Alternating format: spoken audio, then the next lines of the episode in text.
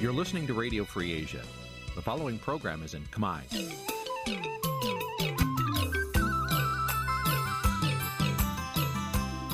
Nǐ chi càm bi tiệp xáy vệt chiu a zì sáy. នេះជាកម្មវិធីផ្សាយរបស់ Vithu Azisari ជាភាសាខ្មែរ វិទ្យុអាស៊ីសេរីសូមស្វាគមន៍លោកអ្នកនាងទាំងអស់ពីរដ្ឋធានី Washington នៃសហរដ្ឋអាមេរិក ចាប់ពីរដ្ឋធានី Washington នាងខ្ញុំម៉ៅសុធានីសូមជម្រាបសួរលោកអ្នកស្ដាប់ទាំងអស់ជាទីមេត្រីចាយើងខ្ញុំសូមជូនការផ្សាយសម្រាប់ព្រឹកថ្ងៃប្រហ័សពីកើតខែអាសាឍឆ្នាំខាលចត្វាស័កពុទ្ធសករាជ2566ហើយដល់ត្រូវនឹងថ្ងៃទី30ខែមិថុនាគ្រិស្តសករាជ2022ជាដំបូងនេះសូមអញ្ជើញលោកអ្នកនាងកញ្ញាស្ដាប់ព័ត៌មានប្រចាំថ្ងៃដែលមានមេត្តាដូចតទៅ ប្រជាប្រដ្ឋព្រួយបារម្ភពីការឆ្លងរាលដាលជំងឺ Covid-19 ក្នុងសហគមន៍ឡើងវិញអ្នកជំនាញអង្គការសហប្រជាជាតិស្នើឲ្យកម្ពុជាពិនិត្យឡើងវិញរឿងផ្ដន្ទាទោសមន្ត្រីបកប្រឆាំងជាក្រុមអ្នកជំនាញនយោបាយអន្តរជាតិមិនរំពឹងថាភូមានឹងធ្វើតាមសំណើរបស់ប្រេសិតអាស៊ាននោះឡើយ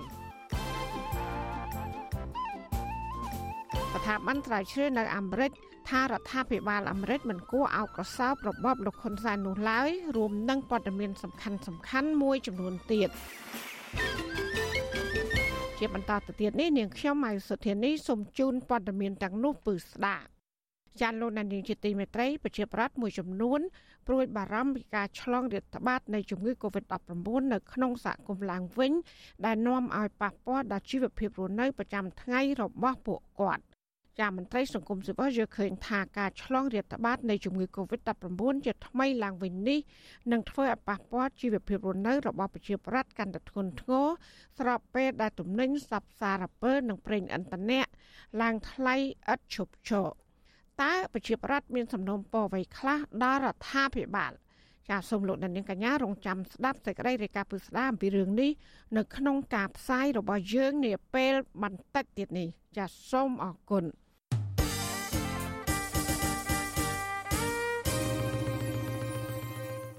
ចាលោកនាងជាទីមេត្រីក្រុមអ្នកតាមដានកិច្ចការអន្តរជាតិមិនរំពឹងថាមេដឹកនាំរបបសឹកខុសច្បាប់ភូមា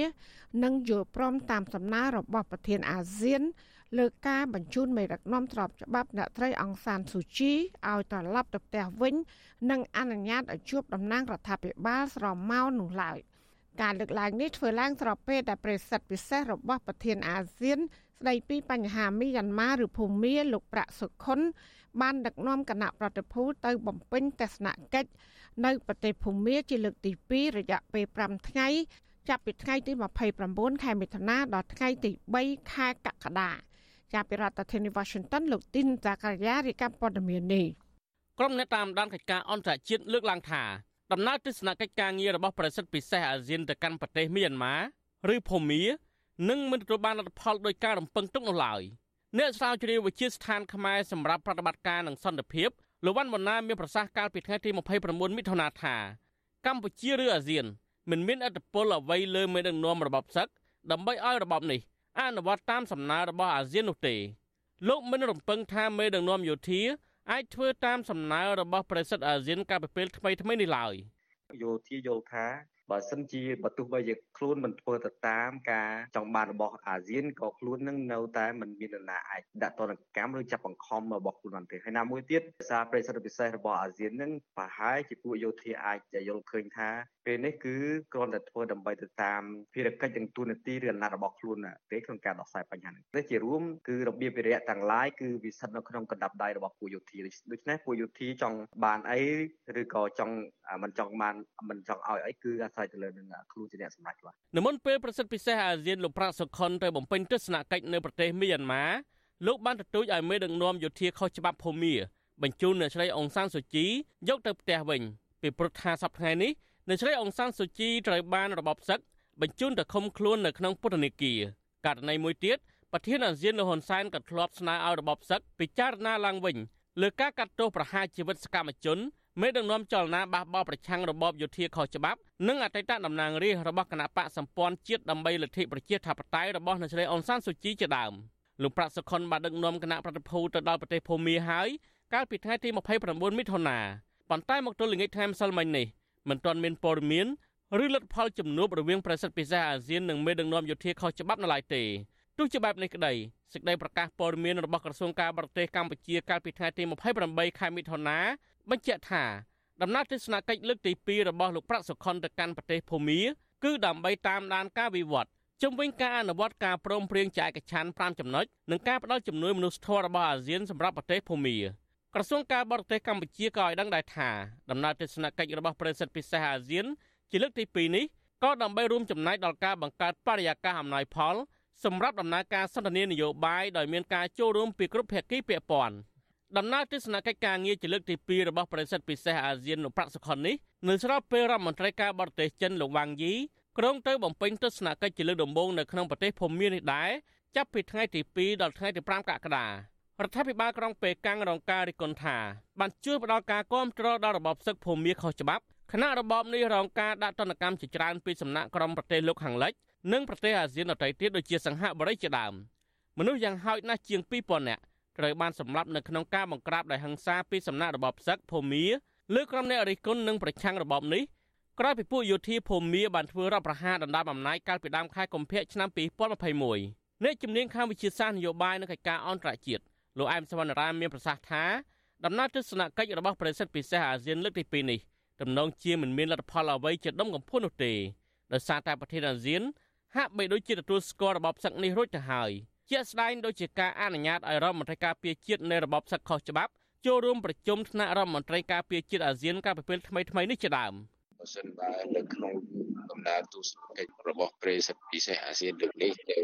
ជួបខាងរដ្ឋាភិបាលយោធាភូមាដោយពមានជួបរដ្ឋាភិបាលស្រុកមកឬក៏រដ្ឋាភិបាលពលរដ្ឋជាតិ NUG របស់ភូមានោះទេខ្ញុំគិតថាលទ្ធផលមិនមានអ្វីប្រែប្រួលទេវាដូចតែជំនួបមុនមុនអញ្ចឹងដូចទៅលើកមុនអញ្ចឹងនឹងមិនមានអ្វីផ្លាស់ប្ដូរឬក៏ប្រែប្រួលធ្វើឲ្យកត់សម្គាល់អីបានទេរបបសឹកមីយ៉ាន់ម៉ាគ្រងនឹងប្រហារជីវិតមនុស្ស4នាក់ នៅក្នុងជួររដ្ឋាភិបាលស្របច្បាប់របស់អ្នកស្រីអ៊ុនសានស៊ូជីដែលសហគមន៍អន្តរជាតិរួមទាំងសហរដ្ឋអាមេរិកផងកំពុងតែកោតទោសអំពីបញ្ហានេះទន្ទឹមនឹងនេះមេដឹកនាំស្របច្បាប់ភូមាអ្នកស្រីអ៊ុនសានស៊ូជីក៏រងនឹងការផ្ដន្ទាទោសពីរបបសឹកភូមាជាច្រើនករណីដែរកាលពីពេលថ្មីថ្មីនេះតុលាការនៃរបបយោធាភូមាបានកាត់ទោសអ្នកស្រីឲ្យជាប់ពន្ធនាគាររយៈពេល11ឆ្នាំអ្នកស្រីអ៊ុនសានស៊ូជីកំពុងប្រឈមនឹងបទចោទជាច្រើនករណីផ្សេងទៀត ដែលអាចឲ្យអ្នកស្រីជាប់ពន្ធនាគាររហូតទៅដល់ជាង180ឆ្នាំតកតងនឹងដំណើរទស្សនកិច្ចរបស់ប្រេសិតពិសេសអាស៊ានវិញលោកវត្តបណ្ណាព្យាករថាអ្វីដែលរបបសឹកអនុញ្ញាតឲ្យនោះគឺនឹងបើកផ្លូវឲ្យប្រេសិតពិសេសអាស៊ានយកជំនួយមនុស្សធម៌ទៅផ្ដល់ជូនបរដ្ឋភូមាដោយដែលរបបសឹកបានសន្យាកាលពីជំនួបលើកទី1រីឯប្រេសិតពិសេសចង់ជួបតំណាងរដ្ឋាភិបាលស្របច្បាប់គឺអ្នកឆ្លៃអនសានសុជីនោះតំណងជារបបសឹកមិនអនុញ្ញាតឲ្យឡើយដោយសារតែមេដឹកនាំយោធាលោកមីនអងឡាំង បានបញ្ជូនអ្នកស្រីអនសានសូជីទៅឃុំខ្លួននៅក្នុងពន្ធនាគារបាត់ហើយនោះខ្ញុំគិតថាបើសិនជាមកដល់ពេលនេះវាការវិវត្តមានការចាប់អ្នកស្រីអង្គសានជីដាក់ក្នុងកន្លែងឃុំឃាំងហើយមួយទៀតតទៅនឹងមិនមានតទៅនឹងការថាការឯកភាពគ្នាជា5ចំណុចហ្នឹងខ្ញុំគិតថាបើសិនជាកម្ពុជាអនុញ្ញាតឲ្យមានមន្ត្រីនយោបាយខាងយោធាចូលរួមក្នុងកិច្ចប្រជុំអាស៊ានទេកម្ពុជាហាក់ដូចជាកំពុងតែដើរនៅក្នុងគេហៅថាផ្លូវមួយដែលជាយុទ្ធសាស្ត្ររបស់ ពួកយោធាភូមិអញ្ចឹងទេក្នុងក្នុងក្នុងន័យនេះមានន័យថាដំណើរដោះស្រាយវិបត្តិនៅភូមិដែលមានកម្ពុជាជាអ្នកសម្របសម្រួលនឹងហាក់ដូចជាមិនទទួលបានជោគជ័យហើយវាចូលក្នុងយុទ្ធសាស្ត្រមួយរបស់ពួកយោធាមីយ៉ាន់ម៉ាក្នុងការបន្តទិញពេលវេលាទៅមុខទៀតក្នុងការធ្វើយ៉ាងណាឲ្យខ្លួននឹងនៅតែមានអធិបុលមានអំណាចក្នុងក្នុងឆាននយោបាយនៅភូមិនេះបាទអ្នកនាំពាក្យរបបយោធាខុសច្បាប់ភូមិអាដាមសនីហ្សមែនតុន បានប្រាប់វិទ្យុអាស៊ីសេរីផ្សាយជាភាសាភូមាកាលពីពេលថ្មីៗនេះថាប្រសិទ្ធពិសាអាស៊ាននឹងមិនត្រូវបានអនុញ្ញាតឲ្យជួបជាមួយអ្នកស្រីអនសានសូជីឡើយក្នុងពេលដំណើរទស្សនកិច្ចជាលើកទី2នេះអ្នកនាំពាក្យរំលឹកបញ្ជាក់ថាលោកប្រាក់សុខុនអាចជួបបានតែជាមួយក្រុមខាងកងកម្លាំងបដាអាវុធជនជាតិដើមភាគតិចនៅភូមាក្រៅពីជំនួបជាមួយក្រុមមេដឹកនាំរបបយោធានោះក្រុមអ្នកតាមដានកិច្ចការអន្តរជាតិលើកឡើងថាមូលហេតុចម្បងដែលធ្វើឲ្យមេដឹកនាំរបបសឹក មិនធ្វើតាមសំណើរបស់ប្រសិទ្ធពិសេសរបស់ប្រធានអាស៊ាននោះគឺអាចមកពីកម្ពុជាខ្លួនឯងកំពុងតែមានភាពចម្រូងចម្រាសលើបញ្ហាចំនួននយោបាយដែលមិនទាន់ដោះស្រាយបាននៅឡើយខ្ញុំទីនសាការីយ៉ាអស៊ីសេរីប្រធានីវ៉ាស៊ីនតោន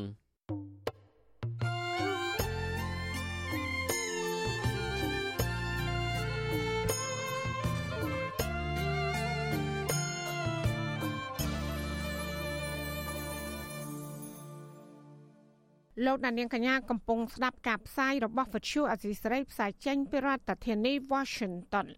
ស្ថាប័នសិក្សាស្រាវជ្រាវដ៏ល្បីឈ្មោះរបស់អាមេរិកផ្ដល់អនុសាសន៍ថារដ្ឋាភិបាលអាមេរិកមិនគួរអោបកសោបរបបលោកនាយករដ្ឋមន្ត្រីហ៊ុនសែននោះទេក៏ប៉ុន្តែ គួរតែធ្វើការប្រកបដោយយុទ្ធសាស្ត្រជាមួយកម្ពុជាវិញតើមូលហេតុអ្វីបានជាស្ថាប័នស្រាវជ្រាវមួយនេះលើកឡើងយ៉ាងដូចនេះ ចាសសេចក្តីរាយការណ៍ពីស្ដាមពីរឿងនេះលោកណានៀងក៏នឹងបានស្ដាប់នាពេលបន្តិចទៀតនេះចាលោកណានៀងជាទីមេត្រីក្រោយទៅពីការស្ដាប់ការផ្សាយរបស់វិទ្យុអសីស្រីតាមបណ្ដាញសង្គម Facebook និង YouTube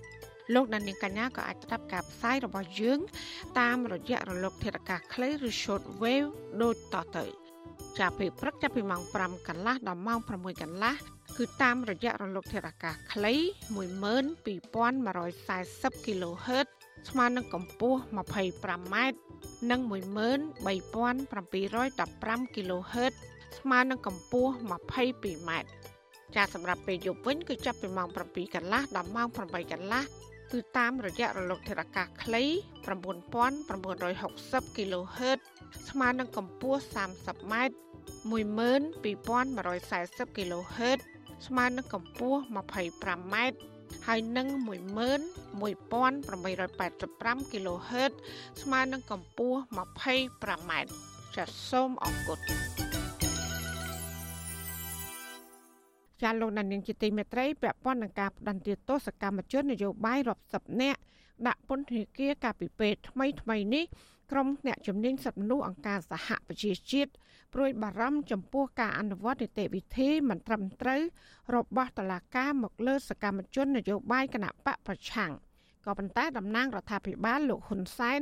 ឆ្លើយតបទៅអ្នកជំនាញសិទ្ធិមនុស្សអង្គការសហប្រជាជាតិថាតុលាការកម្ពុជាអនុវត្តច្បាប់ដោយត្រឹមត្រូវលោកយ៉ងច័ន្ទរារាយការណ៍អំពីរឿងនេះក្រុមអ្នកជំនាញសិទ្ធិមនុស្សអង្គការសហប្រជាជាតិអំពាវនាវឲ្យអាជ្ញាធរកម្ពុជា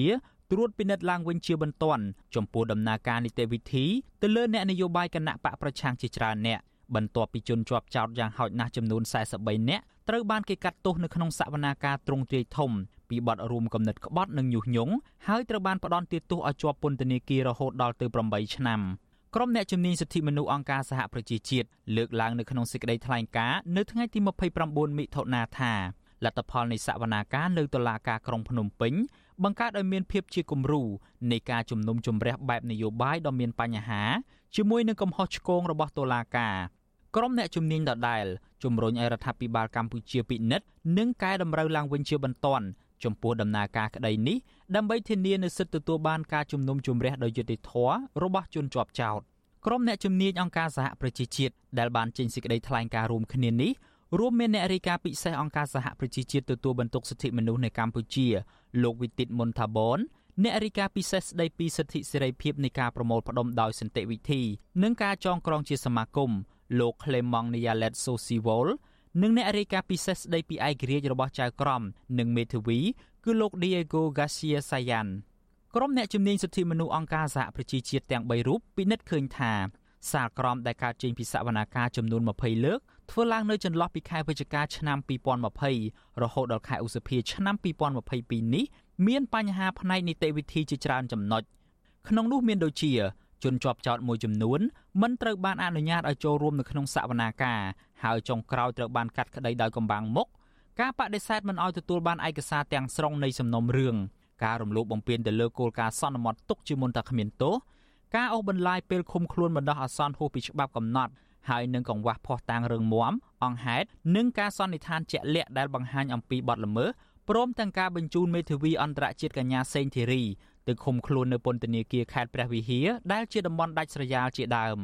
ទោះជាយ៉ាងណាសេចក្តីថ្លែងការណ៍នេះត្រូវបានបដិសេធដោយតំណាងរដ្ឋាភិបាលលោកហ៊ុនសែនស្ថានបេសកកម្មអចិន្ត្រៃយ៍កម្ពុជាប្រចាំនៅអង្គការសហប្រជាជាតិលើកឡើងនៅក្នុងសេចក្តីថ្លែងការណ៍នៅថ្ងៃទី29មិថុនាថា តុលាការកម្ពុជាជំនុំជម្រះក្តីនេះដោយផ្អែកទៅលើភស្តុតាងរឹងមាំនិងស្របទៅតាមនីតិវិធីត្រឹមត្រូវពួកគេបានចាត់ទុកសេចក្តីថ្លែងការណ៍របស់ក្រុមអ្នកជំនាញសិទ្ធិមនុស្សអង្គការសហប្រជាជាតិនេះថាធ្វើឡើងដោយខុសឆ្គងនិងមានភាពលំអៀងតំណាងរដ្ឋាភិបាលលោកហ៊ុនសែនដដែលនេះថែមទាំងទទូចដល់អ្នករាយការណ៍ពិសេសទាំង3រូបអនុវត្តទូនាទីរបស់ខ្លួនឲ្យបានម៉ឺងម៉ាត់ស្របទៅតាមក្រមសីលធម៌និងមានភាពឯករាជ្យ ផ្ទុយពីការលើកឡើងនេះអ្នកនាំពាក្យសមាគមអាត6លោកសឹងសែនករណាថ្លែងថាអ្វីដែលក្រុមអ្នកជំនាញសិទ្ធិមនុស្សអង្គការសហប្រជាជាតិលើកឡើងនោះគឺជាការពិតហើយស្របទៅនឹងការវិដំឡៃរបស់អង្គការសង្គមស៊ីវិលក្នុងស្រុកដែរលោកថាអ្នកជំនាញអង្គការសហប្រជាជាតិបំពេញតួនាទីស្របទៅតាមអាណត្តិនិងឯករាជ្យភាពរបស់ពួកគាត់លោកបន្ថែមថារដ្ឋាភិបាលកម្ពុជាគួរតែពិចារណានឹងកែលម្អចំណុចខ្វះខាតជាជាងវាយបកទៅក្រុមអ្នកជំនាញអង្គការសហប្រជាជាតិវិញយ៉ាងដូចនេះ។ នៅល្អនៅឡើយទេដែលខាងអដំស្នងការការសហជីវជាតិក៏ដូចជាអ្នកជំនាញសិទ្ធិមនុស្សនោះគេនៅរកឃើញគេនៅលើកឡើងហើយគេប្រាប់អំពីបញ្ហាកំហុសឆ្គងទាំងអស់នោះដើម្បីឲ្យយើងដឹងឲ្យយើងលឺហើយយើងពិនិត្យមើលធ្វើការកែលម្អឲ្យវាមានភាពល្អប្រសើរឡើងប៉ុន្តែផ្ទុយទៅវិញអាការច្រានចោលដដែលដដែលនឹងទៅវិញទេដែលធ្វើឲ្យស្ថានភាពសិទ្ធិមនុស្សនឹងកាន់តែធ្លាក់ធ្ងន់ធ្ងរទៅធ្ងន់ធ្ងរទៅហើយវាប៉ះពាល់ទៅដល់កម្ពុជានៅលើឆាកអន្តរជាតិនឹងឯងបាទ កន្លងទៅការបដិសេធរបស់ភាគីរដ្ឋាភិបាលចំពោះមតិរិះគន់ទាំងឡាយតាក់ទងទៅនឹងបញ្ហាសិទ្ធិមនុស្សនេះមិនបានផ្ដល់ផលចំណេញអ្វីដល់កម្ពុជាឡើយមានតែធ្វើឲ្យខាត់បងទៅវិញទេជាឧទាហរណ៍សហភាពអឺរ៉ុបបានដកហូតឋានៈអនុគ្រោះពន្ធ EBA ចំនួន20%ពីកម្ពុជាដោយសារតែរដ្ឋាភិបាលលោកហ៊ុនសែនមិនព្រមស្ដារស្ថានភាពសិទ្ធិមនុស្សនិងប្រជាធិបតេយ្យឲ្យល្អប្រសើរឡើងវិញ ស្ថាប័នអឺរ៉ុបធ្លាប់បានព្រមានជាច្រើនលើករួចមកហើយថាកម្ពុជាអាចនឹងប្រឈមបាត់បង់ EBA ទាំងស្រុងប្រសិនបើរដ្ឋាភិបាលលោកហ៊ុនសែននៅតែរំលោភសិទ្ធិមនុស្សធ្ងន់ធ្ងរនិងជាប្រព័ន្ធបែបនេះតទៅទៀតក្រុមអ្នកជំនាញសិទ្ធិមនុស្សអង្គការសហប្រជាជាតិសង្កត់ធ្ងន់ថារដ្ឋាភិបាលកម្ពុជាមិនមែនមានត្រឹមតែកាតព្វកិច្ចការពារសិទ្ធិជនជាប់ចោតតែមួយមុខនោះទេក៏ប៉ុន្តែក៏ត្រូវគោរពសិទ្ធិសេរីភាពនៃការបញ្ចេញមតិនិងការចងក្រងជាសមាគមឲ្យស្របទៅតាមកតិកាសញ្ញាអន្តរជាតិ និងសេចក្តីប្រកាសរបស់អាស៊ាន ស្តីអំពីសិទ្ធិមនុស្សផងដែរខ្ញុំយ៉ងច័ន្ទដារាវិទ្យុអាស៊ីសេរីរាយការណ៍ពីរដ្ឋធានី Washington អាស៊ីសេរីលោកណានៀងជាទីមេត្រីតកតងនឹងប្រធានគណៈបកសង្គ្រោះជាតិវិញតឡាការក្រុងភ្នំពេញបានប្រមានលោកកឹមសុខាជាថ្មីទៀតមិនឲ្យធ្វើសកម្មភាពនយោបាយការប្រមាននេះធ្វើឡើងក្រោយពីតំណាងអัยការនៃសាលាដំបងរាជធានីភ្នំពេញ បានស្នើទៅប្រធានក្រុមប្រឹក្សាជំនុំជម្រះឲ្យចាប់ខ្លួនលោកកំសុខាយកទៅឃុំខ្លួនដាក់ពន្ធនាគារឡើងវិញចាទោះយ៉ាងណាមេធាវីការពីក្តីលោកកំសុខារិះគន់ថាពាក្យថាធ្វើសកម្មភាពនយោបាយគឺពិបាកក្នុងការកំណត់នយោបាយណាស់ហើយក៏គ្មានច្បាប់ចែងឲ្យបានជាក់លាក់នោះដែរចានេះគឺជាសកម្មភាពមួយទៀតរបស់លោកទីនហ្សាការីយ៉ាពីរដ្ឋធានី Washington លោកកំសខាប្រធានគណៈបកសង្គ្រោះជាតិបានវិលទៅផ្ទះរបស់លោកវិញ ក្រោយពីចាប់សវនាការកាលពីម៉ោង7:00រសៀលថ្ងៃទី29មិថុនានេះទោះជាលោកកម្មសខាមិនត្រូវបានតុលាការបញ្ជូនទៅឃុំខ្លួនតាមសំណើរបស់តំណាងអัยការក្តីប៉ុន្តែសហមេធាវីរំពឹងថាកូនក្តីរបស់ខ្លួននឹងប្រុងប្រយ័ត្នជាងមុននិងបន្ថយសកម្មភាពរបស់ខ្លួនខ្លះដើម្បីជៀសវាងការចាប់ប្រកាន់ជាថ្មីទៀតពីតំណាងអัยការសហមេធាវីការពារក្តីឲ្យលោកកម្មសខាគឺលោកមេធាវីផាញ់ហេងប្រាប់ក្រុមអ្នកសារព័ត៌មានថាទោះជាក្រុមមេធាវីមិនពេញចិត្តចំពោះការប្រមាននេះក្តី ប៉ុន្តែមេធាវីនិងកូនក្តីត្រូវតែគោរពតាមការសម្រេចរបស់តុលាការលោកឲ្យដឹងទៀតថាករណីដែលតំណាងអាយកាស្នើទៅតុលាការឲ្យឃុំខ្លួនលោកកម្មសខានៅពេលនេះព្រោះតំណាងអាយកាទទួលបានរបាយការណ៍ពីសមាជិករួមមានរូបថតនិងខ្សែអត្ថសម្លេងរបស់លោកកម្មសខាដែលបានចុះជួបអ្នកគាំទ្រខ្លួននៅខេត្តសៀមរាបកាលពីពេលថ្មីថ្មីនេះតំណាងអាយកាចោទប្រកាន់ថាសកម្មភាពទាំងនោះជាការបំពានបំរាមរបស់តុលាការ ទោះជាយ៉ាងណាក្រុមមេធាវីលើកឡើងថាការធ្វើបន់ចូលរួមពិធីមង្គលការហូបបាយជុំគ្នារបស់លោកកម្មសខាជាមួយបរិវត្តមិនមែនជាសកម្មភាពនយោបាយអ្វីនោះឡើយអត់មានសន្តានក្រមនយោបាយដែលបញ្យលអំពីមិនទៅហៅថាសកម្មភាពនយោបាយហើយយើងមានតែច្បាប់ពិសេសមួយគឺច្បាប់ស្ដីពីគណៈបញ្ញោបាយហើយច្បាប់គណៈបញ្ញោបាយនោះការធ្វើសកម្មភាពនយោបាយបានតលតែចំជីគណៈបញ្ញោបាយអ ទាល់តែមានរចនាសម្ព័ន្ធដែលក្រសួងមហាផ្ទៃបានអនុញ្ញាតនៅក្នុងច្បាប់គណៈបញ្ញោបាយហ្នឹងដូច្នេះហើយក្នុងការយល់ឃើញដំណើរអាយកាគាត់ថាគាត់យល់ឃើញថាហ្នឹងសកម្មភាពនយោបាយប៉ុន្តែមេធាវីយល់ថាមិនមែនជាសកម្មភាពនយោបាយសវនាការជុំលើកទី46ក្នុងសំណុំរឿងក្បត់ជាតិរបស់មេបកប្រឆាំងលោកកម្មសខាលើកនេះមិនបានជជែកតាក់ទងនឹងបាត់ចោលប្រកាន់នោះទេដោយសារតំណាងអัยការបានលើកពីសកម្មភាពរបស់លោកកម្មសខា កាលពីមួយសប្តាហ៍មុនមកជជែកសួរដេញដោលចោលប្រកាន់តាក់ទងនឹងបញ្ហានេះមន្ត្រីជាន់ខ្ពស់នៃសមាគមការពារសិទ្ធិមនុស្សអាត់ហុកលោកយីសុកសានដែលតាមដានសវនកម្មនេះសង្កេតឃើញថាការចោទប្រកាន់លោកកម្មសខាបំពេញបំរាមតុលាការគឺតំណាងអัยការមិនបានផ្ដល់ដំណឹងជាមុននោះទេដែលធ្វើឲ្យសហមេធាវីលោកកម្មសខាគ្មានពេលសិក្សាស្រាវជ្រាវលើករណីនេះលោកយីសុកសាននៅតែលើកឡើងដដែលដដែលថាសំណុំរឿងនេះជារឿងនយោបាយ មិនគួរយកតឡាការមកប្រឡូកប្រឡាក់នោះទេព្រោះអាចធ្វើឲ្យប៉ះពាល់ដល់ឯករាជ្យរបស់តឡាការលោកជំរុញទៅភាគីចំនួនគួរដោះស្រាយតាមផ្លូវនយោបាយឡើងវិញគាត់យកតែរូបថតហ្នឹងហើយយកមកកាត់ទោសគាត់វារឿងអយុត្តិធម៌វាតតែមានផោះតាងអ្វីដែលដែលចាត់ទុកថាគាត់ធ្វើសកម្មភាពនយោបាយចំណុចនេះខ្ញុំស្នើសុំតទៅទូចទៅរាជរដ្ឋាភិបាលក៏ដូចជាតឡាការយើងផងដែរថាគួរតែបែងចែកឲ្យដាច់ពីរឿងនយោបាយហើយពីរឿងនឹងខុសច្បាប់ ឆ្លើយតបនឹងការលើកឡើងនេះអ្នកនាំពាក្យគណៈបកប្រជាជនកម្ពុជាលោកឈឹមផលវរុននៅតែថ្លែងការពីដដាលថានេះជាកិច្ចការរបស់តុលាការចំពោះការជំរុញឲ្យមានការដោះស្រាយតាមការចរចាផ្នែកនយោបាយនោះលោកថានឹងមិនមានការចរចាណាមួយអាចកើតឡើងបានឡើយហ៊ានអ្នកសារព័ត៌មានសួរអញ្ចឹងហើយខ្ញុំធ្វើមិនទៅបើខ្ញុំអត់ដឹងហើយឆ្លើយមិនប្តីប្រពន្ធនេះចេះថាអីប្រហែលចេះប្រហែលចុះសង្សារគ្នាអាចនិយាយទៅប្រហែលចេះប្រហែលចុះ តុលាការបានព្រមានលោកកម្មសខានៅពេលនេះក្រោយពីមានសារសម្លេងបែកធ្លារបស់លោកកម្មសខាជាង40នាទីដែលទំនងជាការថ្លែងរបស់លោកក្នុងពេលជួបអ្នកគាំទ្រខ្លួននៅខេត្តសៀមរាបកាលពីថ្ងៃទី18មិថុនាកន្លងទៅក្នុងសម្លេងនោះលោកកម្មសខាបាននិយាយទាក់ទងនឹងបញ្ហានយោបាយមួយចំនួនមេបកប្រឆាំងរូបនេះលើកឡើងថាគេមិនអោយលោកធ្វើនយោបាយលោកក៏ឆ្លៀតឌឺដងទៅអតីតមនុស្សចំណិតរបស់លោកពីររូបគឺលោកប៉ុលហំនិងលោកយ៉ែមពុញរិទ្ធដែលចាកចេញពីលោកទៅបង្កើតបកថ្មី កំពុងធ្វើមុខស្វាក្រោយពីមិនទទួលបានជ័យជំនះក្នុងការបោះឆ្នោតឃុំសង្កាត់កន្លងទៅលោកកឹមសុខាក៏អះអាងជាថ្មីទៀតអំពីការបដិសម្ព័ន្ធភាពជាមួយលោកសំរងស៊ីផងដែរទោះជាយ៉ាងណាលោកមេធាវីផាញ់ហេងចង់ឃើញពាក្យថាធ្វើសកម្មភាពនយោបាយ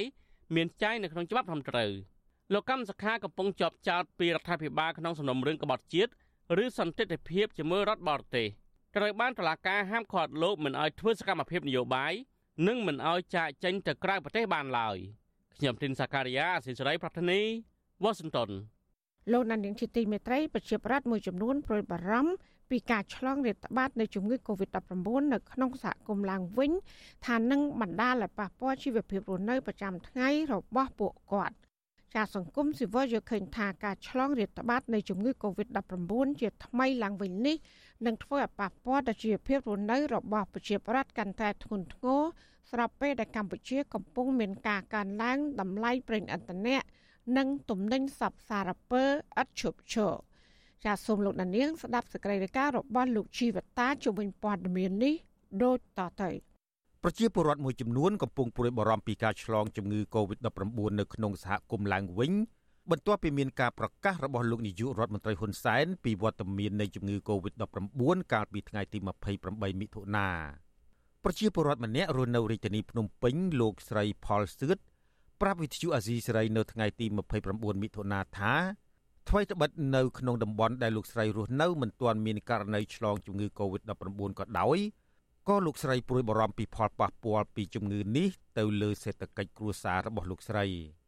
លោកស្រីបារម្ភថាការរីករាលដាលម្ដងទៀតនៃជំងឺ Covid-19 នឹងគំរាមកំហែងដល់សុខភាព និងជីវភាពរបស់លោកស្រីក្នុងពេលបច្ចុប្បន្ន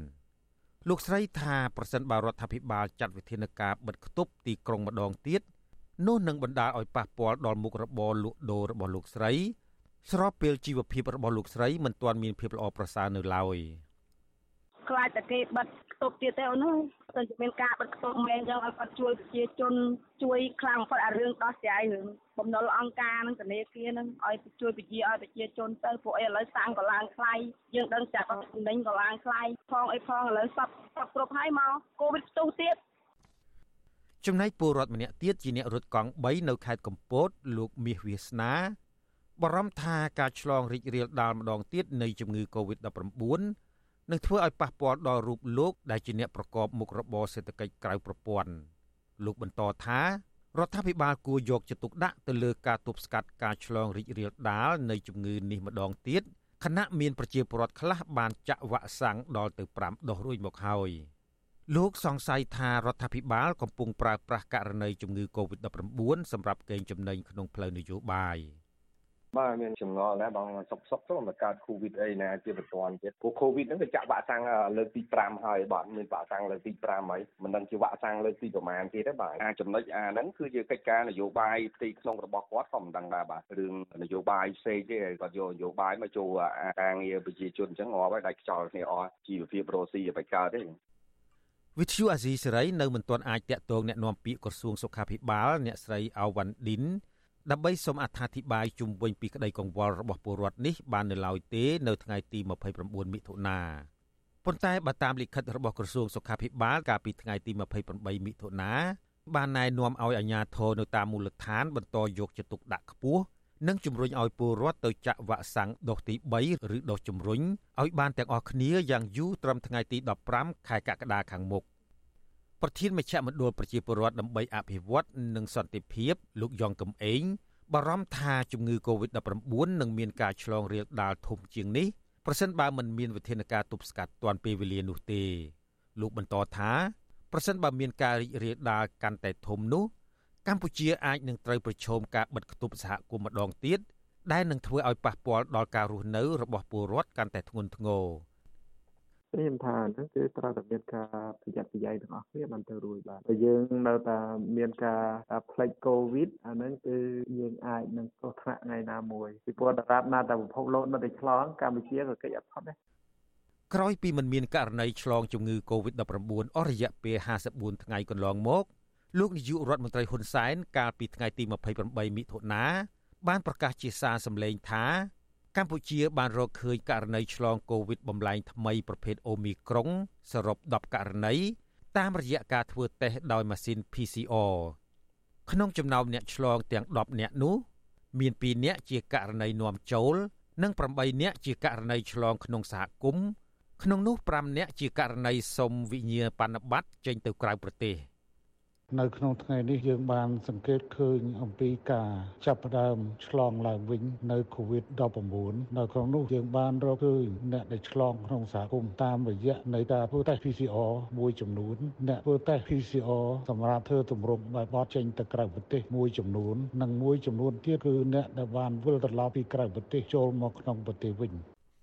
ប្រធានសមាគមប្រជាធិបតេយ្យឯករាជ្យនៃសេដ្ឋកិច្ចក្រៅប្រព័ន្ធលោកវុនពៅព្រួយបារម្ភថា ប្រសិនបើស្ថានភាពជំងឺ Covid-19 រីករាលដាលកាន់តែខ្លាំងដោយពេលកន្លងទៅនឹងធ្វើឲ្យប៉ះពាល់ដល់ប្រជាពលរដ្ឋពិសេសអ្នកប្រកបរបរនៅក្នុងសេដ្ឋកិច្ចក្រៅប្រព័ន្ធលោកបន្តថាស្របពេលតម្លៃប្រេងសាំងឥន្ធនៈនៅកម្ពុជាកំពុងតែហក់ឡើងឥតឈប់ឈរនេះបញ្ហាជំងឺ Covid នឹងជាបន្ទុកធ្ងន់មួយបន្ថែមទៀតទៅលើជីវភាពរស់នៅរបស់ប្រជាពលរដ្ឋដែលកំពុងតែដុនដាបស្រាប់ ទោះបីជាសពថ្ងៃនេះប្រទេសកម្ពុជាបានបើកឡើងវិញនៅសេដ្ឋកិច្ចដំណើរការផលមុខរបរអាជីវកម្មរោងព្រាតក៏ដោយប៉ុន្តែប្រាក់ចំណូលគឺអត់ទាន់មានការកើនឡើងទេដោយសារមករយៈនៃកូវីដនេះគឺមុខរបរមួយចំនួនត្រូវបានដួលរលំត្រូវបានបិទវាហើយការទើបឡើងប្រើប្រាស់ឡើងវិញហើយបើសិនជាមានការបិទដូចមុនហ្នឹងគឺប្រជាពលរដ្ឋមិនអាចរស់បានទេមិនអាចរស់បានដោយសារបិទគប់ហើយមុខរបរអត់អាចរកបានហើយខ្វះការឧបត្ថម្ភគ្រប់គ្រងពីអាជ្ញាធររដ្ឋគិតត្រឹមថ្ងៃទី29មិថុនា កម្ពុជាមានអ្នកឆ្លងជំងឺ Covid-19 សរុបចំនួនជាង136,000នាក់និងមានអ្នកស្លាប់សរុបចំនួន3056នាក់ករណីនាំចូលពីក្រៅប្រទេស មានចំនួនជាង21,000នាក់ខ្ញុំជីវិតាអាស៊ីសេរីចាលោកនាងកញ្ញាកំពុងស្ដាប់ការផ្សាយរបស់វិទ្យុអាស៊ីសេរីផ្សាយចេញពីរដ្ឋធានី Washington ក្រសួងសុខាភិបាលប្រមានថាជំងឺគ្រុនឈាម និងប្រឈមការកើនឡើងខ្លាំងក្នុងរដូវវស្សានេះនៅតាមភូមិឃុំនិងទីប្រជុំជនខេត្តមួយចំនួន ជាពិសេសខេត្តដែលមានការដ្ឋានសំណង់និងមានប្រជាពលរដ្ឋរស់នៅច្រើនកកកការប្រមាននេះធ្វើឡើងក្រោយពីជំងឺកុនឈាមកើនឡើងជាង100%ក្នុងរយៈពេល5ខែដើមឆ្នាំ2022ហើយបើធៀបរយៈពេលដូចគ្នាកាលពីឆ្នាំមុន ចាតើជំងឺកុនឈាមមានរោគសញ្ញាអ្វីខ្លះហើយគេអាចបង្ការជំងឺនេះបានដោយវិធីណាចាសសេចក្តីរាយការណ៍ពីស្ដាមពីរឿងនេះលោកណានៀងក៏នឹងបានស្ដាប់នាពេលបន្តិចទៀតនេះចាសសូមអរគុណ thank you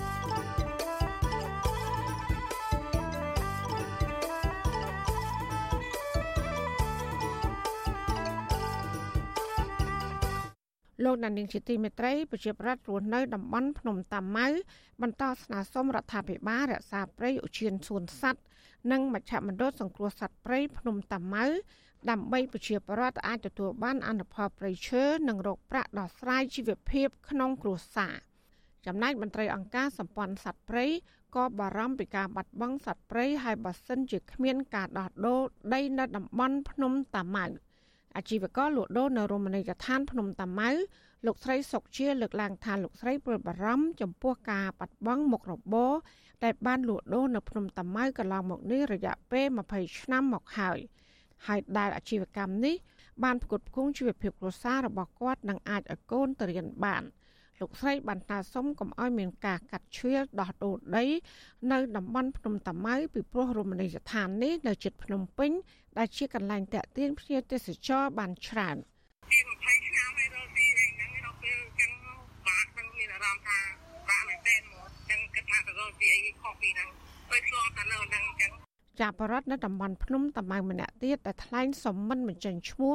ថាប្រជាប្រដ្ឋអាចទាញយកផលប្រយោជន៍ពីព្រៃនៅតំបន់ភ្នំតាម៉ៅដូចជាចូលរកថ្នាំរកអង្ក្រងស្លឹករងៀងឃ្មុំ និងអនុផលប្រៃឈើជាច្រើនទៀតលោកក៏បានស្នើសុំអរដ្ឋាភិបាលរក្សាព្រៃនៅតំបន់នោះហើយអភិវឌ្ឍវាទៅជាតំបន់អេកូទេសចរដែលអាចផ្ដល់ការងារនិងចំណូលដល់ប្រជាសហគមន៍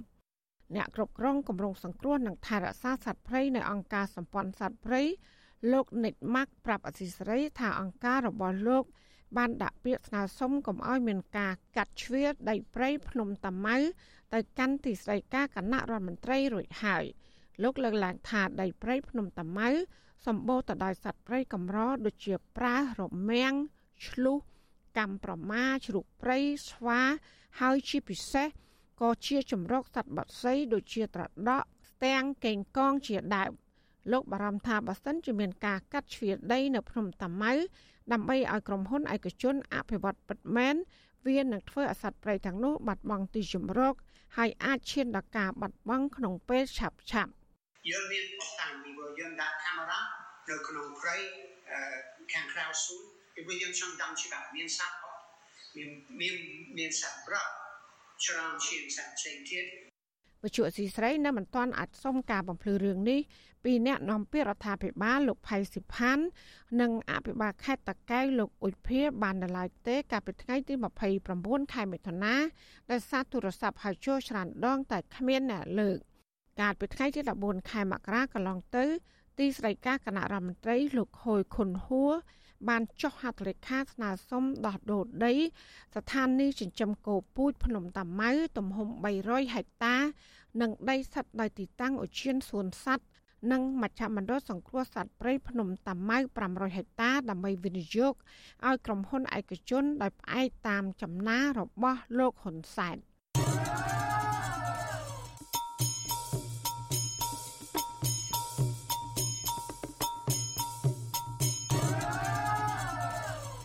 ចាលោកនាងជាទីមេត្រីនៅឯខេត្តបន្ទាយមានជ័យឯនោះវិញ ប្រជាប្រដ្ឋនិងមន្ត្រីសង្គមស៊ីវិលចោទអាជ្ញាធរខេត្តនេះថាមានចេតនាប្រព្រឹត្តអំពើពុករលួយក្នុងការធ្វើបានឆ្លងព្រំដែនសម្រាប់បរតការចោទប្រកាន់នេះធ្វើឡើងនៅបន្ទាប់ពីសមត្ថកិច្ចយឺតយ៉ាវក្នុងការធ្វើបានឆ្លងព្រំដែនឲ្យប្រជាពលរដ្ឋតាមធម្មតាច្បាប់តម្រូវឲ្យសមត្ថកិច្ចធ្វើបាននេះយ៉ាងយូរត្រឹម5ថ្ងៃក៏ប៉ុន្តែពលរដ្ឋត្រូវចាំរហូតដល់1ខែទៅ2ខែ និងចំណាយប្រាក់ច្រើនហួសការកំណត់ សង្គមស៊ីវិលថាទាំងមើលនេះធ្វើឲ្យបរដ្ឋកាន់តែជួបការលំបាកជាប្រធានាធិបតី Washington អ្នកស្រីសុជីវីរាយការណ៍ព័ត៌មាននេះពលរដ្ឋនិងសង្គមស៊ីវិលរីគុណមន្ត្រីសាលាខេត្តបន្ទាយមានជ័យដែលធ្វើការយឺតយ៉ាវក្នុងការធ្វើបានឆ្លងព្រំដែនជូនពលរដ្ឋនិងមានសេវារត់ការក្រៅប្រព័ន្ធដើម្បីពន្លឿនការងារខុសនីតិវិធី និងគោលការណ៍របស់រដ្ឋាភិបាល ពួកគេអះអាងថាពលរដ្ឋធ្វើបានឆ្លងព្រំដែនក្នុងម្នាក់ម្នាក់ ត្រូវចំណាយប្រាក់ចន្លោះពី1500បាតទៅ2000បាតដើម្បីទទួលបានសេវាឆាប់រហ័សនិងងាយស្រួលនៅក្នុងការសម្រួលឯកសារផ្សេងផ្សេងពួកគេបញ្ជាក់ថាជាធម្មតា ការធ្វើបានឆ្លងព្រំដែនពលរដ្ឋម្នាក់ត្រូវចំណាយប្រាក់ត្រឹមតែ20000រៀលប៉ុណ្ណោះហើយរយៈពេលទទួលបានគឺ7ថ្ងៃនៃថ្ងៃធ្វើការប៉ុន្តែអ្វីដែលពលរដ្ឋសោកស្ដាយគឺនៅពេលដែលពលរដ្ឋចំណាយប្រាក់ត្រឹមតែ20000រៀលតាមកំណត់ គឺគ្មានការយកចិត្តទុកដាក់ពីមន្ត្រីទទួលបន្ទុកធ្វើបានព្រំដែនឡើយនិងមានរយៈពេលយូររហូតដល់1ខែកន្លះអ្នកអស់រទេះនៅប៉ោយប៉ែតម្នាក់ថ្លែងសុំមិនបញ្ចេញឈ្មោះថាពលរដ្ឋនៅតាមតំបន់ព្រំដែនជួបការលំបាកច្រើននៅក្នុងការឆ្លងព្រំដែនទៅមកដើម្បីប្រកបរបរប្រចាំថ្ងៃលោកថាការធ្វើបានឆ្លងព្រំដែនអាញាធរបង្កការលំបាកដល់ពួកគាត់ពលគឺនីតិវិធីរត់ការធ្វើបានឆ្លងព្រំដែនរបស់មន្ត្រីរាជការមួយចំនួន បានយកតួនាទីជាមន្ត្រីរាជការទៅជាអ្នករត់ការពន្លឿនឯកសារទៅវិញលោកបន្ថែមថា នៅកន្លែងធ្វើបានព្រំដែនមានបិទក្រដាស់ជូនដំណឹងថាយ៉ាងយូរ5ថ្ងៃប៉ុន្តែបើធ្វើធម្មតាគឺអាចឈានដល់ទៅ1ខែកន្លះទើបរួចរាល់ប្រសិនបើមិនបានបង់ប្រាក់ក្រៅក្រោមតុកជូនដល់មន្ត្រីទាំងនោះលោកបញ្ជាក់ថាប្រសិនបើចង់បានលឿននិងរហ័សគឺត្រូវចំណាយចន្លោះពី1500ទៅ2000បាត។ វាពិបាកជាងមុនលោកគ្រូព្រោះឥឡូវអឺគេគេបរិផាហ្នឹងក៏យឺតយ៉ាវហើយមួយទៀតយើងចូលអូសអាតេសអូអីក៏យ៉ាប់ហើយគេឲ្យយើងហ្នឹងពីមុនបរិផាយើងចូលបានមួយអាទិត្យបើពេលឥឡូវនេះបានចូលបានដូចជា2ថ្ងៃ3ថ្ងៃទេហើយអញ្ចឹងយើងយើងអស់លុយច្រើនលុយយើងវាយម្ដងដូចជាថ្មី100បាតដល់ពេល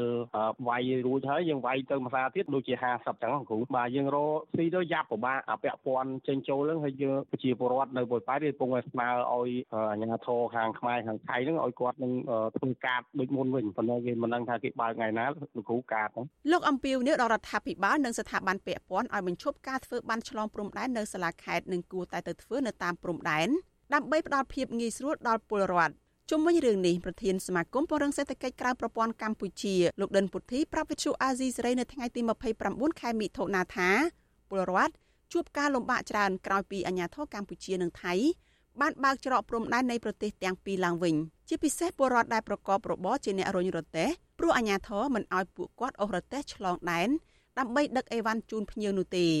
លោកបន្តថាការធ្វើបានព្រំដែននេះគឺមន្ត្រីប្រចាំការនៅតំបន់ព្រំដែន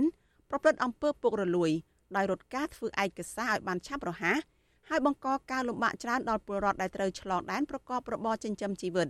លោកដិនពុទ្ធីលើកឡើងថារដ្ឋបាលខេត្តនិងថ្នាក់ដឹកនាំខេត្ត រួមទាំងអង្គភាពប្រឆាំងអំពើពុករលួយ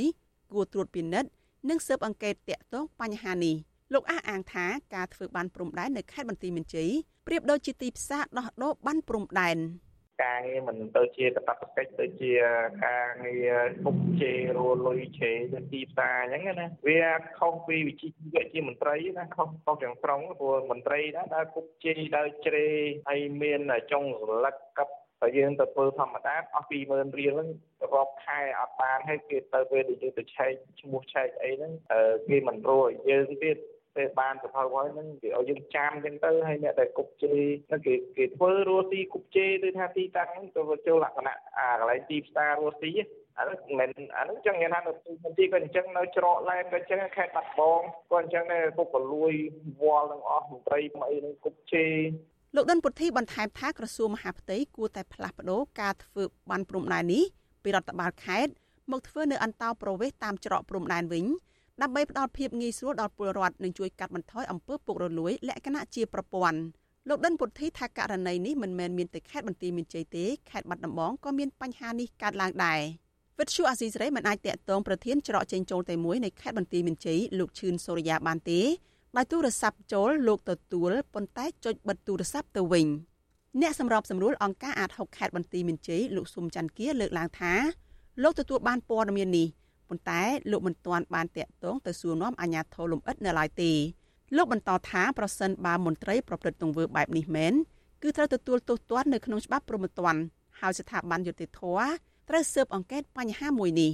យើងគិតថាត្រូវទៅធ្វើការបើកទើបអង្កេតទៅលើរឿងហ្នឹងដើម្បីឲ្យវាមានអាយុទ្ធធម៌មួយនៅក្នុងសង្គមបើយើងឃើញថាបើសិនជាការកើតឡើងទៅលើមន្ត្រីសមត្ថកិច្ចដែលជាមន្ត្រីរាជការគាត់ប្រព្រឹត្តអំពើពុករលួយហ្នឹងបែរអត់ចាត់ការហើយបែរទៅជាប្រជាពលរដ្ឋអីទៅតាចតែងតែប៉ះពាល់ឡើងតែទួយត្រូវបានចោទប្រកាន់នេះក៏ចោទប្រកាន់ទៅអញ្ចឹងវាហាក់ដូចជាកម្លៀតកម្លៀតទៅទៅលើយុទ្ធធម៌យុទ្ធធម៌ហ្នឹងគឺហាក់ដូចជាមន្ត្រីចេះតែរួចខ្លួនចេះតែអីទៅហើយនឹងអ្នកដែលអាប្រជាពលរដ្ឋទៅតាប្រព្រឹត្តបទល្មើសណាមួយជាបទល្មើសមជ្ឈិមអីដូចគ្នាតែងតែទទួលគ្រោះថ្នាក់អីចឹងវាជារឿងកម្រិតនៃយុទ្ធធម៌អញ្ញាធរកម្ពុជានិងថៃបានបើកច្រកទ្វារព្រំដែននៃប្រទេសទាំងពីរចាប់ពីថ្ងៃទី1ខែឧសភាដោយមានកំណត់វិធានការសុខាភិបាលចំពោះអ្នកដំណើរចេញចូលប្រទេសថៃកន្លងមករដ្ឋបាលខេត្តបន្ទាយមានជ័យ បានចេញសេចក្តីប្រកាសព័ត៌មានមួយស្តីពីតម្លៃនៃសុពលភាពការធ្វើបានព្រំដែនថ្មីនិងការបន្តសិភៅឬក៏សុពលភាពព្រំដែនដោយបានកំណត់ថាការធ្វើបានព្រំដែនកម្ពុជាថៃតម្លៃ20000រៀលក្នុងមួយបាននិងការបន្តសិភៅបានព្រំដែនកម្ពុជាថៃតម្លៃ20000រៀលក្នុងមួយបានហើយការបន្តសុពលភាពបានព្រំដែនកម្ពុជាថៃតម្លៃ10000រៀលចំពោះសិភៅចាស់មានសុពលភាពអាចតបានរយៈពេល2ឆ្នាំ មន្ត្រីអង្គការសង្គមស៊ីវិលចាត់ទុកទង្វើរបស់មន្ត្រីរាជការដែលយកតួនាទីនិងពេលវេលាម៉ោងរដ្ឋបាលមករត់ការឬក៏គួជាដើម្បីធ្វើបានឆ្លងព្រំដែននេះថាជាទង្វើអាក្រក់បំផុតក្នុងការធ្វើបាបពលរដ្ឋជាតិសាសន៍ខ្លួនឯងនិងសូមឲ្យស្ថាប័នពាក់ព័ន្ធដោះស្រាយបញ្ហានេះជាបន្ទាន់ដើម្បីជួយពលរដ្ឋនិងចូលរួមជួយកាត់បន្ថយភាពក្រីក្ររបស់ពលរដ្ឋនេះខ្ញុំសុជីវីវិទ្យុអាស៊ីសេរីពីរដ្ឋធានី Washington thank you